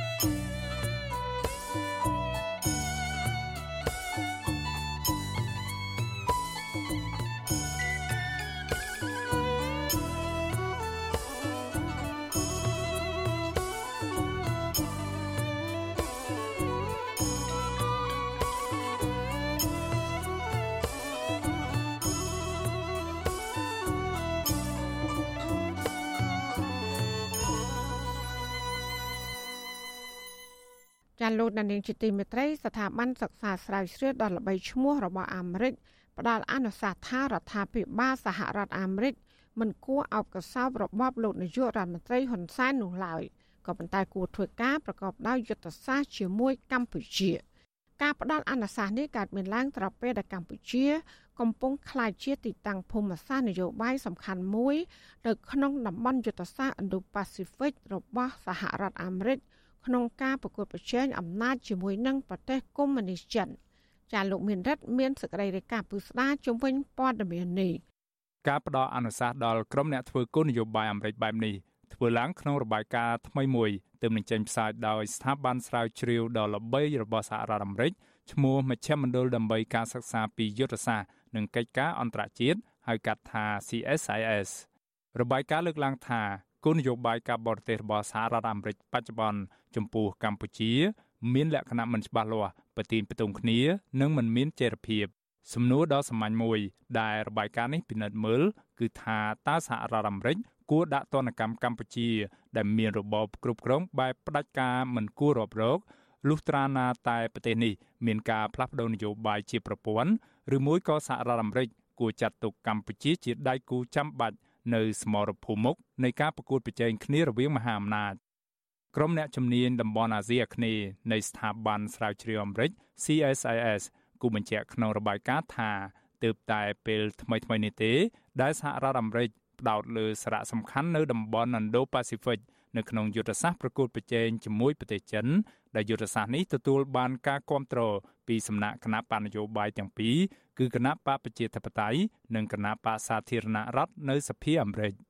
ក្រុមអ្នកជំនាញសរសេរថាកម្ពុជាស្ថិតនៅក្នុងតំបន់មួយ ដែលមានសារៈសំខាន់បំផុតសម្រាប់យុទ្ធសាស្ត្ររបស់សហរដ្ឋអាមេរិកដែលមិនអាចមើលរំលងបាន ការផ្លាស់ប្តូរនយោបាយណាមួយនៅក្នុងប្រទេសនេះទំនងជាត្រូវការពេលវេលារហូតដល់មួយចំនួនមនុស្សហើយដោយការនេះមិនពាក់ព័ន្ធទាល់តែសោះឬពាក់ព័ន្ធតិចតួចទៅនឹងសម្ពាធពីបរទេសនោះក្រុមអ្នកជំនាញនៃស្ថាប័នស្រាវជ្រាវនេះផ្ដំណាស់អំណាងថាគោលនយោបាយដែលផ្ដោតខ្លាំងទៅលើការដាក់ទណ្ឌកម្មមិនបានជំរុញឲ្យមានការកែប្រែនៅកម្ពុជាឬក៏កាត់ផ្ដាច់នៅភាពជាដៃគូដែលកំពុងតែកើនឡើងរវាងកម្ពុជានិងចិននោះទេ ក៏ប៉ុន្តែពួកគេថាវានឹងរឹតតែធ្វើឲ្យក្រុមអ្នកនយោបាយកាន់អំណាចនៅកម្ពុជាមើលមកសហរដ្ឋអាមេរិកនិងសហភាពអឺរ៉ុបនៅក្នុងសភាពមួយបែបជូរចត់ជាក់ស្ដែងការស្ទង់មតិមួយកាលពីឆ្នាំ2021របស់វិទ្យាស្ថានសិក្សាពីអាស៊ីអាគ្នេយ៍បានរកឃើញថាក្រុមអ្នកនយោបាយកាន់អំណាចនិងធុរជននៅកម្ពុជា មានមន្ទិលខ្លាំងចំពោះសហរដ្ឋអាមេរិកនិងឥទ្ធិពលរបស់ប្រទេសនេះកាន់តែច្រើនឡើងនៅក្នុងឆ្នាំ2021 បើធៀបទៅនឹងឆ្នាំកន្លងទៅសហស្ថាបនិកនៃវិទ្យាស្ថានប្រជាធិបតេយ្យកម្ពុជានិងជាអ្នកជំនាញភូមិសាស្ត្រនយោបាយបណ្ឌិតរវណ្ណៈចង់ឃើញសហរដ្ឋអាមេរិកបន្តផ្ដោតលើបញ្ហាស្ដារលទ្ធិប្រជាធិបតេយ្យនិងបញ្ហាសិទ្ធិមនុស្សទន្ទឹមនឹងនេះលោកក៏ចង់ឃើញសហរដ្ឋអាមេរិកពង្រីកអធិបតេយ្យសេដ្ឋកិច្ចនៅកម្ពុជាតាមរយៈការបង្កើនការវិនិយោគលើវិស័យនានាគឺយើងត្រូវយក ការតាក់ទាញយកមុនស្នេហ៍ទៅជំនួសការតាក់ទាញមុនស្នេហ៍របស់ចិនព្រោះចិនគាត់បកកែប្រើហៅ charming offensive strategy របស់គេហ្នឹងគឺបកកែការអូសទាញប្រទេសនៅក្នុងភូមិផងរបស់ជាមួយកម្ពុជាហ្នឹងដើម្បី ជាសំណាញ់ពេញពីងមកចិនគាត់ប្រើយុទ្ធសាស្ត្រការទូតសេដ្ឋកិច្ចជាសំណាញ់ពីងដើម្បីរួមរដ្ឋបិទបណ្ដាប្រទេសនៅក្នុងតំបន់អាស៊ីគ្នានឹងឲ្យចូលនៅក្នុងគេហៅថាទម្លងកោជោនៃភូមិសាស្ត្រនយោបាយរបស់ចិនអញ្ចឹងសហរដ្ឋអាមេរិកជាមួយសម្ព័ន្ធមិត្តគួរតែបាទប្រើប្រាស់យុទ្ធសាស្ត្រការទូតសេដ្ឋកិច្ចឬក៏ការអភិវឌ្ឍសេដ្ឋកិច្ចតាមគំរូរបស់សហរដ្ឋអាមេរិកទៅប្រជែងនឹងគំរូអភិវឌ្ឍសេដ្ឋកិច្ចបែបចិនដើម្បីធ្វើឲ្យបណ្ដាប្រទេស នៅក្នុងតំបន់ជាពិសេសកម្ពុជាមើលឃើញថាការអភិវឌ្ឍសេដ្ឋកិច្ចបែបលោកខាងលិចហ្នឹងវានៅតែជាគំរូសម្រាប់ការអភិវឌ្ឍជាសកលតែចិនមិនអាចជំនួសបានដោយឡែកសម្រាប់អ្នកជំនាញវិទ្យាសាស្ត្រនយោបាយលោកអែមសវណ្ណារាវិញលោកយល់ឃើញថាការប្រើប្រាស់វិធីសាស្ត្របែបត្រជាក់របស់សហរដ្ឋអាមេរិកមកលើរដ្ឋាភិបាលកម្ពុជានឹងមិនអាចជួយជំរុញឲ្យកម្ពុជាងាកមកស្ដារលទ្ធិប្រជាធិបតេយ្យនិងសិទ្ធិមនុស្សបាននោះឡើយម្យ៉ាងវិញទៀត លោកបញ្យល់ថាការដាក់ទណ្ឌកម្មជាក់លាក់មកលើមន្ត្រីនយោបាយកម្ពុជាទៀតសោតក៏មិនមែនជាកត្តាចម្បងមួយជំរុញឲ្យកម្ពុជាងាកទៅរកចិននោះដែរ ទោះបីជាសហរដ្ឋអាមេរិកដាក់ទណ្ឌកម្មខ្លះឬក៏ទណ្ឌកម្មច្រើនមកលើរដ្ឋាភិបាលកម្ពុជាក៏ពុទាន់ជំរុញឲ្យមានការបើកលំហសេរីភាពឡើងវិញដែរលុះត្រាតែការផ្ទេរអំណាចនៅក្នុងគណៈបកកណ្ដាលអំណាចនឹងមានភាពសច្ចេនិងសេរីភាពហើយទើបអាចឆ្លើយតបទៅនឹងសហគមន៍អន្តរជាតិឬក៏មានចរន្តសង្គមដែលជំរុញឲ្យអ្នកនយោបាយឬក៏អ្នកដឹកនាំប្រទេសនឹងឆ្លើយតបនឹងសហគមន៍អន្តរជាតិនិងតម្រូវការរបស់ពលរដ្ឋនៅក្នុងប្រទេសតែ មានចរន្តពីរនឹងគូគ្នាទៅរដ្ឋាភិបាលអាចបើកលំហសេរីភាពឬងាកមករកសង្គមដោយបរិយាកាសមុនឆ្នាំ2017បានបើតាមក្រុមអ្នកជំនាញវិទ្យាស្ថានសិក្សាស្រាវជ្រាវអាមេរិក CSIS ពួកគេផ្ដល់អំណះអំណាងថាក្រុង Washington ចាំបាច់ត្រូវរៀបចំនៅគោលនយោបាយមួយមកលើកម្ពុជា ដែលផ្ដោតលើអនាគតកាលពួកគេថាគោលនយោបាយបច្ចុប្បន្នរបស់សហរដ្ឋអាមេរិក ដែលរួមមានដូចជាការដាក់ទណ្ឌកម្មនិងកិច្ចពិគ្រោះយោបល់បែបម្ដងម្កាលនោះនឹងអនុញ្ញាតឲ្យការចាក់ចែងពីអំណាចរបស់លោកហ៊ុនសែនត្រូវបន្តដោយការគ្រប់គ្រងអំណាចបែបផ្ដាច់ការមួយទៀតពីសំណាក់កូនប្រុសច្បងរបស់លោកគឺលោកហ៊ុនម៉ាណែតឬក៏ពីសំណាក់ការដណ្ដើមអំណាចណាមួយពីក្រមយោធានៅកម្ពុជាដដែលក្រុមអ្នកជំនាញដដែលផ្ដល់អនុសាសន៍ថាក្រុមអ្នកធ្វើគោលនយោបាយសហរដ្ឋអាមេរិកចាំបាច់ត្រូវបង្កើតវិធីសាស្ត្របែបច្នៃប្រឌិត និងបែបស្ថាបនាដែលក្នុងនោះរួមមានដូចជាផ្ដោតលើការគ្រប់គ្រងផលប៉ះពាល់នៅតំបន់តារាសាគរនិងតំបន់កំពង់ផែកងទ័ពជើងទឹករៀម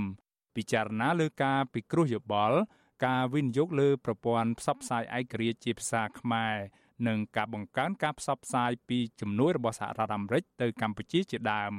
ក្រៅពីនោះក្រុមអ្នកជំនាញដដែលក៏ចង់ឃើញសហរដ្ឋអាមេរិក ពង្រីកការពិគ្រោះយោបល់ជាមួយក្រុមអង្គការសង្គមស៊ីវិលនៅតាមថ្នាក់មូលដ្ឋាន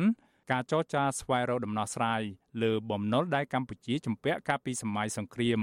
ព្រមទាំងការធ្វើគោលនយោបាយដោយផ្ដោតអាទិភាពលើធម្មពលបៃតង និងហេដ្ឋារចនាសម្ព័ន្ធនៅកម្ពុជាជាដើមខ្ញុំបាទមេរិត Visual C ស្រីរាយការណ៍ពីរដ្ឋធានី Washington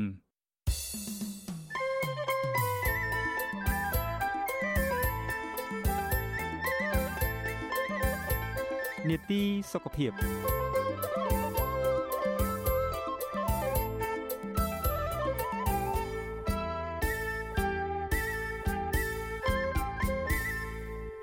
ចាក្រសួងសុខាភិបាលឲ្យដឹងថាជំងឺគុនឈាម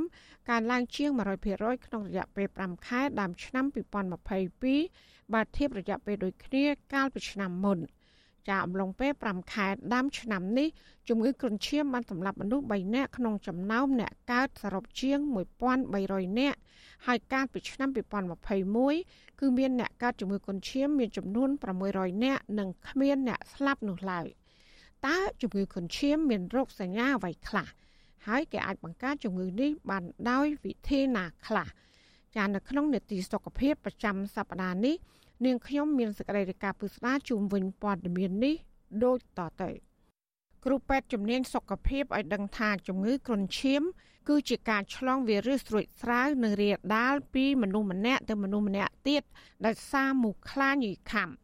ជំងឺគ្រុនឈាមអាចកើតឡើងលើមនុស្សគ្រប់វ័យជាពិសេសគឺកុមារតូចតូចអាយុក្រោម5ឆ្នាំករណីខ្លះដោយសារជំងឺគ្រុនឈាមចាញ់រោគសញ្ញាស្រាលស្រាល គេអាចភ័ន្តច្រឡំថាជារោគសញ្ញាជំងឺគ្រុនផ្ដាសាយធំទៅវិញម្ចាស់ clinic មេតានៅរាជធានីភ្នំពេញលោកវិជ្ជបណ្ឌិតហៀងរតនាមានប្រសាសន៍ប្រាប់បច្ចុប្បន្នស៊ីស្រីថារោគសញ្ញានិងអាការៈនៃជំងឺគ្រុនឈាម គឺគ្រុនក្តៅខ្លាំងចាប់ពី39អង្សាទៅ40អង្សា ហើយប្រាថ្នាបញ្ចុះកម្ដៅក្នុងរយៈពេលពី2ថ្ងៃទៅ7ថ្ងៃហើយនៅតែមិនបាត់អ្នកជំងឺឡើងមុខក្រហមឈឺក្បាលឈឺសាច់ដុំ ឈឺក្នុងក្របភ្នែកចេញកន្ទួលក្រហមឬជាំលើស្បែកឈាមច្រមុះឈាមអញ្ចាញធ្មេញឬក្អួតចង្អោរជាដើមលោកវិជ្ជបណ្ឌិតបន្តថាពុកម្ដាយនិងអាណាព្យាបាលបើសិនបើកូនមានអាការៈក្តៅខ្លួនខ្លាំងហើយដាក់ថ្នាំមិនបាត់និងមានរោគសញ្ញាទាំងនេះត្រូវប្រញាប់រស់រាន់បញ្ជូនកូនទៅមន្ទីរពេទ្យឬក៏មណ្ឌលសុខភាពជាបន្ទាន់ ពីខែនេះច្រើនការច្រើនចាប់ដើមចូលដល់ភ្លៀងក្មេងៗខ្លួនឈាមចូលហើយខ្ញុំច្រើននៅតាមពេទ្យទីពេទ្យរដ្ឋនេះក៏ច្រើនដែរគឺច្រើនមែនតើខ្លួនឈាមបាទជំងឺគ្រុនឈាមរោគសញ្ញាសំខាន់មួយគឺក្តៅហើយក្តៅក៏ដូចជំងឺផ្សេងទេគ្រុនឈាមចាប់ដើមក្តៅឡើងខ្លាំងយកហ្មង39 40ហ្មងហើយពេលក្តៅនោះអត់មានសញ្ញាផ្សេងរួមផ្សំទេអត់មានឈឺកនេះក្អកហៀស្បើយទេណាគាត់អាចក្តៅខ្លួនខ្លាំងឈឺក្បាលសន្លឹមហើយជំងឺគ្រុនឈាមគឺអាចបន្តគ្រោះថ្នាក់ដល់ជីវិតគ្រប់ពេល ពេលមានជំងឺគ្រុនឈាមវាអាចធ្វើឲ្យយើងមានលាកស្លាមលាកពវៀនណាអញ្ចឹងពេលសង្ស័យតកូនមានជំងឺគ្រុនឈាមឬកូនក្តៅខ្លួនខ្លាំងគួរយកទៅពេទ្យនិតឲ្យបានត្រឹមត្រូវណានៅពេលដែលក្តៅខ្លួនគាត់បញ្ជាក់តាមប្រទេសណាគឺអាចធ្វើជំងឺនេះកាន់តែធ្ងន់ធ្ងរថែមទៀតក្រសួងសុខាភិបាលប្រកាសកាលពីថ្ងៃទី10ខែមិថុនាថាជំងឺគ្រុនឈាមកើនឡើងជាង100%ក្នុងរយៈពេល5ខែដើមឆ្នាំ2022ហើយបើធៀបរយៈពេលដូចគ្នាកាលពីឆ្នាំមុនមូលហេតុដែលនាំឲ្យជំងឺគ្រុនឈាមកើនឡើងខ្លាំង ក្នុងអំឡុងពេល5ខែកន្លងមកនេះគឺបណ្ដាលមកពីភ្លៀងធ្លាក់ញឹកញាប់ខុសពីឆ្នាំមុន ដែលធ្វើឲ្យទឹកដក់ច្រើនហើយជាប្រភពសម្បុកមូសខ្លាក្រសួងសុខាភិបាលប្រមានថាជំងឺកុនឈាមនឹងប្រឈមការកើនឡើងខ្លាំងក្នុងរដូវវស្សានេះនិងនៅតាមភូមិឃុំនិងទីប្រជុំជនខេត្តមួយចំនួន ជាពិសេសខេត្តដែលមានការដ្ឋានសំណង់និងមានប្រជាជនរស់នៅច្រើនកុះកកក្រសួងសុខាភិបាលថាមូសខ្លា ចូលចិត្តបង្កកំណើតពងកូននៅក្នុងថ្លុកនៅក្នុងសម្បកកង់រថយន្តសម្បកកង់ម៉ូតូចាស់ចាស់និងវត្ថុដាក់ទឹកសម្រាប់ប្រើប្រាស់ផ្សេងផ្សេងលោកវិជ្ជបណ្ឌិតហៀងរតនាមានប្រសាសន៍បន្តថាជំងឺគ្រុនឈាមអាចកើតលើមនុស្សគ្រប់វ័យក៏ប៉ុន្តែកាលពីជាង10ឆ្នាំមុនជំងឺគ្រុនឈាមភាគច្រើនកើតទៅលើក្មេងតែប៉ុណ្ណោះលោកវិជ្ជបណ្ឌិតបញ្យល់អំពីមូលហេតុដែលជំងឺគ្រុនឈាមបច្ចុប្បន្នកើតទៅលើទាំងក្មេងនិងមនុស្សចាស់ កាលពី10ឆ្នាំមុនហ្នឹងយើងឃើញជាច្រើនបំផុតកើតទៅលើក្មេងទេប៉ុន្តែជំងឺហ្នឹងកើតទាំងក្មេងទាំងចាស់តែហេតុអីបានពីកាលពី4 10ឆ្នាំមុនកើតទៅលើក្មេងឥឡូវមានកើតទាំងចាស់ដែរឥឡូវចាស់ក៏ច្រើនដែរពីព្រោះកាលមុនភាគច្រើនកើតពីក្មេងហើយគុនជាមកជីវិតយើងកើត4ដងព្រោះមាន4ប្រភេទអញ្ចឹងពេលគាត់កើតពីក្មេងក៏4ដងចាស់ឡើងកើតហើយអញ្ចឹងពីមុនអត់ទៅមានការការពារភាគច្រើនក្មេងហ្នឹងកើតហើយអស់ហើយដល់ពេលឥឡូវទៅគាត់មានការការពារទៅគាត់កើតអត់ទាន់គ្រប់4ដងពេលចាស់ទៅក៏គាត់នៅតែអាចកើតគុនឈាមបើបើសិនជាមូសខាំ អញ្ចឹងគឺមកជីវិតយើងអាចកើត4ដងទាំងចាស់ទាំងក្មេងប៉ុន្តែបើកើត4ដងហើយលែងកើតទៀតហើយជំងឺគុនឈាមអាចបង្កគ្រោះថ្នាក់ដល់ជីវិតបើសិនបើពុកម្ដាយឬអាណាព្យាបាលមិនបានយកកុមារទៅទទួលសេវាព្យាបាលទាន់ពេលវេលាទេនោះក្រសួងសុខាភិបាលអំពាវនាវដល់អាជ្ញាធរមូលដ្ឋាន មន្ទីរឬក៏អង្គភាពពាក់ព័ន្ធមេដាបៃតាម្ចាស់ការដ្ឋានសំណង់និងកម្មករត្រូវទៅចូលរួមថែរក្សាបរិស្ថានស្អាត ដើម្បីកម្ចាត់សម្ភារៈផ្សេងផ្សេងដែលដក់ទឹកដូចជាសម្បកកង់ឡាន កំប៉ុងសម្បកដូងនិងក្រឡជាដើម ហើយដែលនេះជាប្រភពកំណើតមូសខ្លាគ្រូពេទ្យជំនាញឯកទេសទូទៅរូបនេះមានប្រសាសន៍បន្តថា ដើម្បីបង្ការជំងឺគុនឈាម វិធីសាស្ត្រដ៏មានប្រសិទ្ធភាពជាទីបំផុត គឺការពារកុំឲ្យមូសខាំកេងតម្រាក់ក្នុងមុងជ្រលក់ថ្នាំព្រមទាំងថែទាំបរិវេណនៅជុំវិញផ្ទះ កុំឲ្យមានចម្រោកមូសខ្លាដែលជាប្រភព នៃការចម្លងមេរោគគ្រុនឈាមមូសខ្លាញៀតខាំយើងយើងកើតទេតោះតែខាំมันវាកើតអញ្ចឹងយើងការពារទៅដោយការពាក់កៅអៅដៃវិញជើងវែងលុបបាត់ចម្រោកមូសអាទឹកដក់កំប៉ុងទឹកដក់ជុំវិញផ្ទះសម្រាប់បរិស្ថានអនាម័យទៅពេលគេចង់មុងឲ្យចិត្តចិត្តទៅយើងអាចប្រើលេការពារមូសណាប្រដាប់ដេញមូសវាយមូសអីឥឡូវមានច្រើនអញ្ចឹងយើងការពារទៅណាបាទប្រដាប់ផ្ញើក្រមជាបរដ្ឋព្យាយាម តែសារសុខភាពឥឡូវយើងឃើញជំងឺច្រើនមែនតើកូវីដឥឡូវមានអុតស្មាមានអីទៀតហើយយើងឃើញថាការចម្លងហ្នឹងច្រើនផុតតទៅនឹងកត្តាអនាម័យអញ្ចឹងយើងគួរថាឧស្សាហ៍ប្រុងប្រយ័ត្នមកការអនាម័យឲ្យបានល្អញ៉ាំអាហារមានជីវជាតិឲ្យបានគ្រប់គ្រាន់មានតែប៉ុណ្្នឹងចាបន្ថែមពីនេះប្រជាប្រដ្ឋគ្រប់រូបត្រូវរស់នៅអនាម័យស្អាតល្អការពារកុមារកុំឲ្យមុខខំដោយដេកក្នុងមុងទាំងថ្ងៃទាំងយប់ស្លៀកសម្លៀកបំពាក់ចិត្តចិត្ត កុំឲ្យកុមារលេងនៅទីកងឹតនិងត្រូវបើកទ្វារបើកបង្អួចឲ្យមានពន្លឺថ្ងៃចូលគ្រប់គ្រាន់បើសិនបើសង្ស័យថាមានការជំងឺគុនឈាមត្រូវរស់រាន់មកទទួលសេវាព្យាបាលនៅមន្ទីរពេទ្យក្រសួងសុខាភិបាលមិនអនុញ្ញាតឲ្យ clinic ឯកជន ដែលគ្មានជំនាញចំណេះដឹងសម្ភារៈនិងឧបករណ៍ត្រឹមត្រូវធ្វើការវិនិច្ឆ័យនិងផ្តល់សេវាព្យាបាលដល់អ្នកកើតជំងឺគុនឈាមនោះឡើយ ក្រសួងសុខាភិបាលឲ្យដឹងថាក្នុងឆ្នាំ2021កន្លងមកនេះជំងឺគុនឈាមបានកើតឡើងជាង1400ករណីនៅក្នុងទូទាំងប្រទេសក្នុងនោះបណ្ដាលឲ្យមនុស្សស្លាប់ចំនួន3ករណីហើយដែលចំនួននេះគឺមានការថយចុះជា10ដងបើធៀបកាលពីឆ្នាំ2020ដែលមានអ្នកកើតជំងឺគុនឈាមជាង10000នាក់ក្នុងនោះ គឺមានអ្នកស្លាប់ចំនួន15នាក់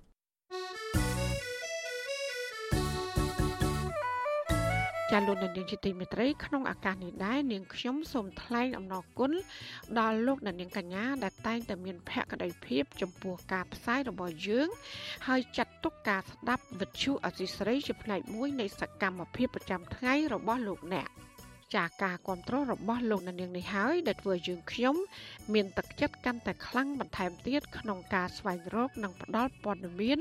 សម្រាប់ជូនលោកនាង។ ចាំមានអ្នកស្ដាប់និងអ្នកទស្សនាកាន់តែច្រើនកាន់តែធ្វើឲ្យយើងខ្ញុំ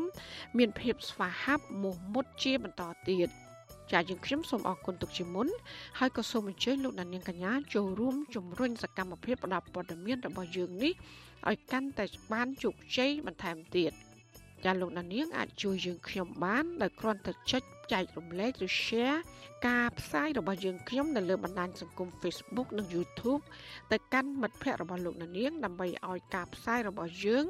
បានទៅដល់មនុស្សកាន់តែច្រើនចាសសូមអរគុណចាលោកលានកញ្ញាអ្នកស្ដាប់ជាទីមេត្រីការផ្សាយរយៈពេល1ម៉ោងរបស់វិទ្យុអាស៊ីស្រីជាភាសាខ្មែរនៅពេលនេះចាប់តែប៉ុណ្ណេះ ចាយើងខ្ញុំទាំងអស់គ្នាសូមជូនពរលោកនាង និងក្រុមគ្រួសារទាំងអស់សូមជួបប្រកបតែនឹងសេចក្តីសុខសេចក្តីចម្រើន ជានិរន្តរ៍ចានាងខ្ញុំម៉ៅសុធានីព្រមទាំងក្រុមការងារទាំងអស់របស់អសីស្រីសូមអរគុណនិងសូមជម្រាបលា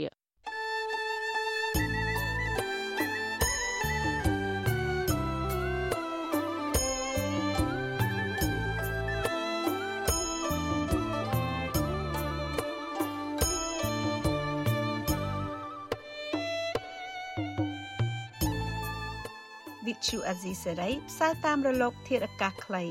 ឬ short wave តាមកម្រិតនិងកម្ពស់ដូចតទៅនេះពេលព្រឹកចាប់ពីម៉ោង5កន្លះដល់ម៉ោង6កន្លះតាមរយៈរលកធាតុអាកាសខ្លី12140 kHz ស្មើនឹងកម្ពស់ 25m និង13715 kHz ស្មើនឹងកម្ពស់ 22m ពេលយប់ចាប់ពីម៉ោង7កន្លះដល់ម៉ោង8កន្លះតាមរយៈរលកធាតុអាកាសខ្លី